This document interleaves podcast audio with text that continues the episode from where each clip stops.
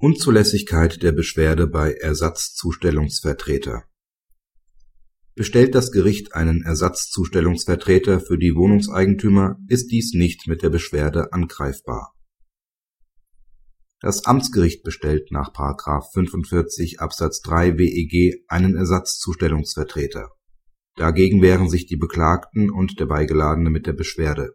Diese weist das LG Berlin mit der Begründung zurück dass ein solches Rechtsmittel nicht vorgesehen ist.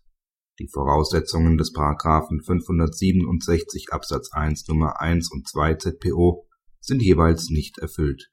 Durch die Einführung der Gehörsrüge im Sinne des § 321a ZPO haben Beschwerdeführer auch nicht mehr die Möglichkeit, eine gesetzlich nicht geregelte außerordentliche Beschwerde geltend zu machen.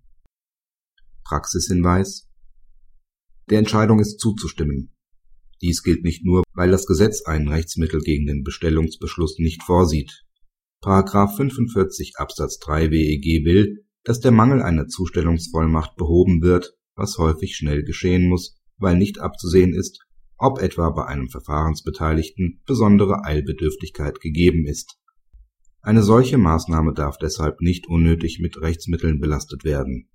Im Zweifel kann das Gericht mit und ohne Anhörungsrüge die Bestellung jederzeit widerrufen, wenn sich die ernannte Person als ungeeignet erweisen sollte.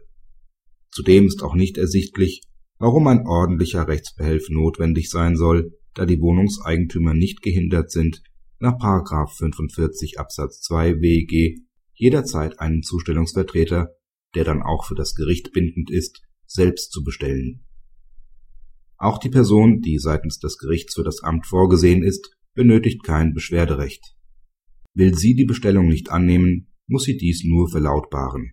Gegen ihren Willen kann sie nämlich auch gerichtlich nicht verpflichtet werden